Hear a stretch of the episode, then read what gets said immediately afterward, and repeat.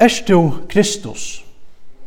Ta si okkom ta bort fram, sett og jødaner vi Jesus. Og lukka så igjen Jesus samtøy, hava menneskje bor henta sama spørninger fram. Hver er hesen mauren? Hver er hesen mauren? Og i grunden er det her den mest avgjørende spurningren som menneskje nekrantøy kunne sette seg. Jesus samløyke, Og det som vi trykva om han, og sier om han, hever jo avløykans tøytning for jokken og for öll menneskje. Så og i dag færa vi da hitja og sindi nærri at hessen her ståra og avgjerande spurningsen om. Hver er Jesus? Tilbyanen av Jesus kan spårast høylt aktor til byrjanna av kristendommen. Og vi må òsne hugsa om dette her, at kristendommer byrja i middelen monoteistiske jøtar, det vil sija jøtar som øynas tilbå og øyngod. Jødiska troar jåttanen, skjema, og i 5. Mausbøk, kapittel 6, understrykar òsne just hekta, her vid òsne lesa, Høyr Israel, Herren godvar, Herren er øynastor, øyngod av det at jødene er øynast tilbå og øyn god, så heit det øyne være øyn godspottan, og man sier at soner hentan træsmien ur Nazaret, Jesus, var sjálfur god. Men hekta var korsene akkurat her som de første kristne troa og boa og vivujkjant i hese mannen, Jesus. Øyn hever året av såleis. Jesus han sa seg sjálfan som Guds elskaja son, utvaldan av gode til å komme vi Guds rujtje og sintana fyrigjeving. Okkara fættan av hver Jesus vær, ma sværa til Jesu egnu fættan av seg sjolvun. Om vi ikke gjotta at Jesus er Kristus, så vær annakvørst han vittløyter, om hans er samløyka, ytla er og vit vittløyt. Enten eller. Tan avgjørende spurningren er altså, om sjálvforståelse til Jesus samsværer vi veriløygan. Vi øren øron talar han sannløygan da han talar om seg sjálvan. Og i Matteus evangelium 16, vers 13 til vi 16 lesa vi Men ta Jesus var kommet til bygdaløyene vid Caesarea Filippi, spurte han læresvøyner, søgner og sier, «Hvem sier menn, menneskesonen vera?» Men tar seg til sommer sier Johannes Døyparen, sommer Elia og sommer Jeremia, etla øyne av profeten. Han sier vi tar, men tid, hvem sier tid med vera? Ta malte som Petor og sier, du er Kristus, sonur hins livande gods. Men Jesus sverda jo sier vi igjen, sjælur er to, Simon, Jonas er sonur. Det at holdt lov, blå hever ikkje oppenbæra til det, men fægir mun som er i himlen. Lykka som er Jesu døvun, er det òsne noa døvun imenskar meiningar om hver hese mavren er, hver Jesus er. Som vi sier at Jesus var en gaur jødiskur lærare, andre sier at han bare var en profetor, og atter andre jotta saman vi pætore, og sier at han velja er Kristus, sonur, hins livande gods. Spurningren tja Jesus er tog i òsne lykka nek galdande fyrir okkon her i dag, okkara samtøy som ta. Hvem sier menn menneskesonen vera? Hvem sier vi Jesus vera? Jesus vera kallaur Kristus, etla Messias, meira enn holtrusferir i evangelium og 200 og forsferer i resten av Nudja Testamentet. Hesi årene bæja er og grisk og hebraisk, altså Kristus er grikst, og Messias er hebraist. Men det har kanskje ikke som og merskingene, nemlig hin salvaje, hin salvaje. Da Petter gjør at Jesus er Kristus, gjør han altså at Jesus han er hin lovaje Messias, som det står skrive om i skriften om. Han er hin salvaje. Og i gamla testamentet var det kongar og høvesprester, salveier tatt av insekter og i tørra embate. Profetane var òsne satter som salveier av gode. Etta navne, Kristus, eller Kristus navne, påkar altså av at Jesus han er salvaur til å være konger, profetor og høvesprester. Hesar oppgavene var sunderskildar i Gamla testamentet. Men i Nutja testamentet var det samøyndar atler i Jesus. Alla hessar funksjonenar kommer eisini til kjøntar og i tog som Jesus gjør, i hans gjerninga. Som profetor lærer Jesus okkom. Som konkor valtar Jesus över heimnum. Og som høvesprestor ger Jesus okkom sått vi god. Ta Petter gjottar at Jesus er hins halvaje, ta gjottar han hervi at han tror at Jesus er Davidssonen som Ísraelsfalk har boi etter i fløyre ølder. Samståndes gjøttar han òsni at Jesus er sendur av gode. Og vi sutja at Jesus ikkje kjemur vi nekrare ratting iver høvur til det som Petter nå sier. Han rattar han ikkje. Her at møte våttar han til, som Petter sier, vi at leggja detta at dette ikkje er mannaversk, men nekka som sjálfur god til å oppenbæra fyrir honom nemlig at Jesus er Kristus, sonur, hins livande Guds. Og i Marskos evangelion, 14, lesa vi tøysene, høvespresten spurte han attor og sier vi han, Erst du Kristus, sonur hins halovaja? Men Jesus sier, jeg er det til han. Og til skulle suttja menneskesonen sida vi høyre hånd kraftarinnar og koma og i skuttjon himmelsins. Men høvespresteren skratte klæg i sin sundur og sier, Nøytist okkur nu vittne langur, tid av hørst godsbottanna, hva halda tid? Men tar dømto han atler at vera sekan til deia. Høyte som Jesus brukar mest om seg sjálvan er menneskesoneren. Etter høyte blir brukt høylar 22 ferer i evangelien, etter Markus, Matteus, Markus og Lukas. Lukas. Som er attfinnare halde på at dette øyna sipar til at Jesus var en menneske, då sier man at han er en menneskesommer. Mittlen lært og i det er det korsene semje om at høyte i øyne sipar til Daniels bøk i Gamla Testamentet.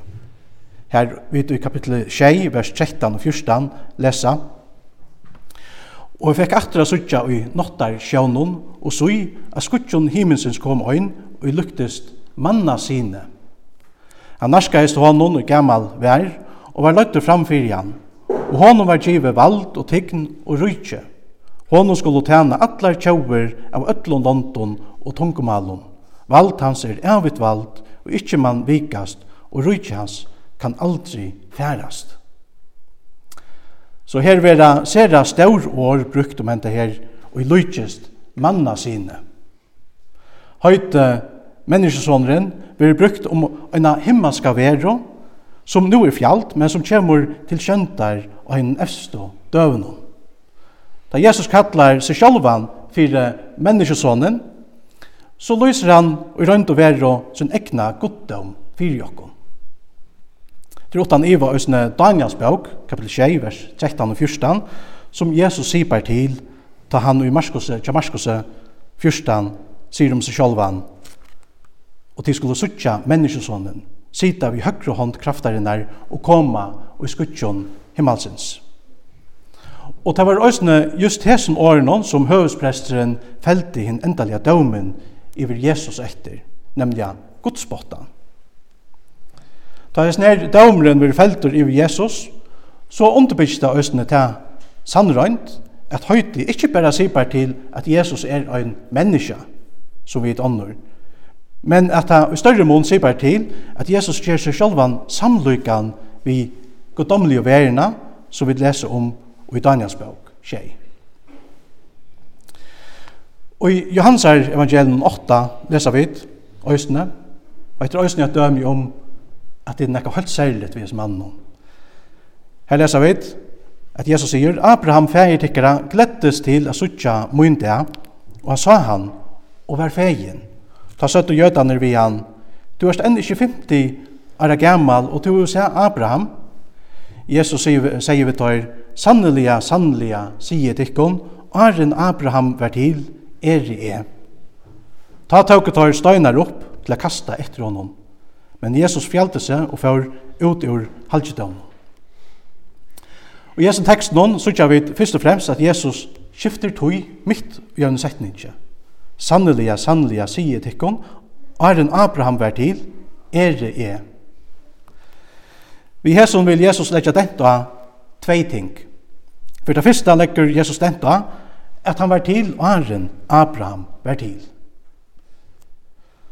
Det er ikke så at Jesus han byrja i at vera til, da han var føtter av Marie og Møy. Det er som vi leser i 3 og 3 av 8, han falka kyrkjen her, at han har nasiansko 3 av 8, Jeg vet jotta. Fægeren er avgjør, soneren er avgjør, høyla i anden er avgjør.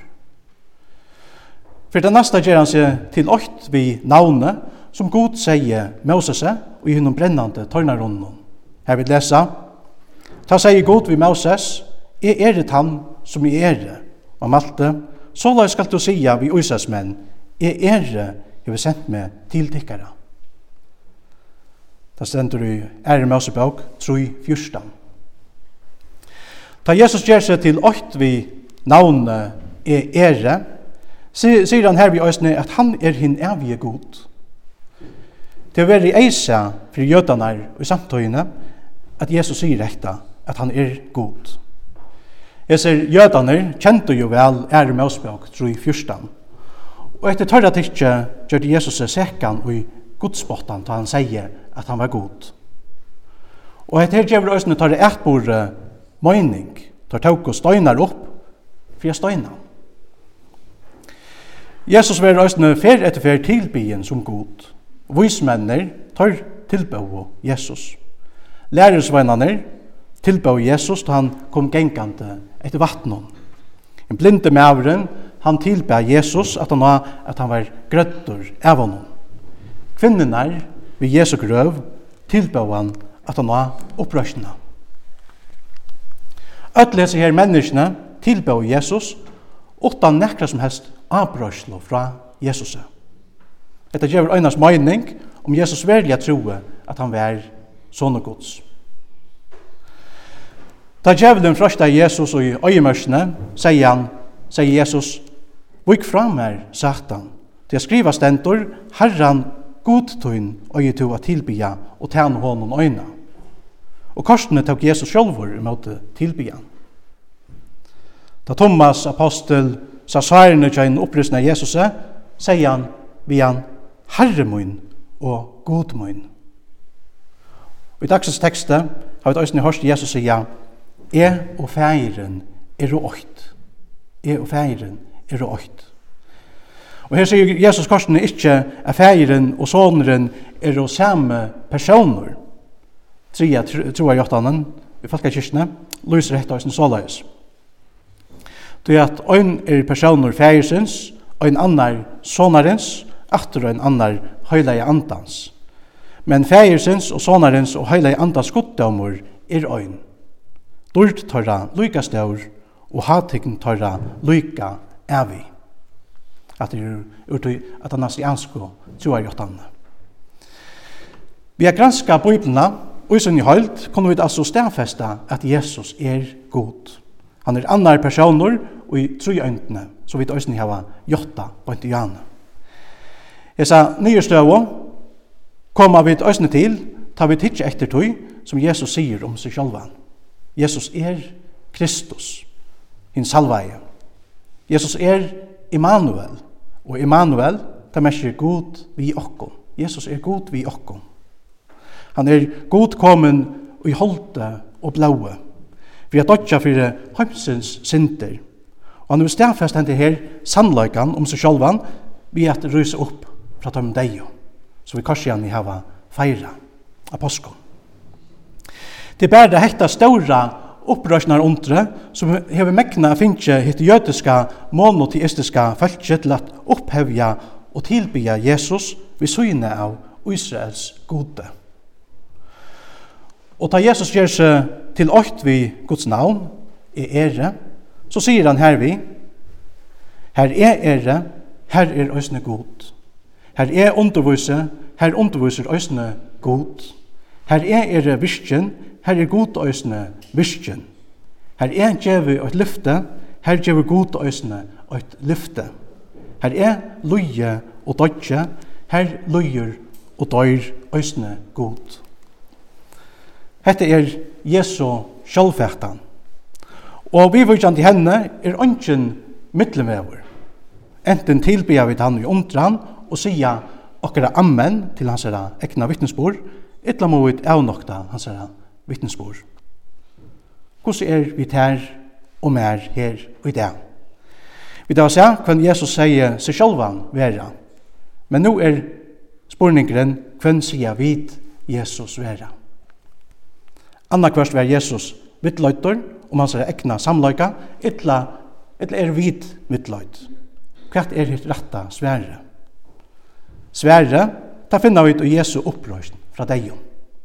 Det er som en maður som heter Timothy Keller sier i bøkene The Reason for God.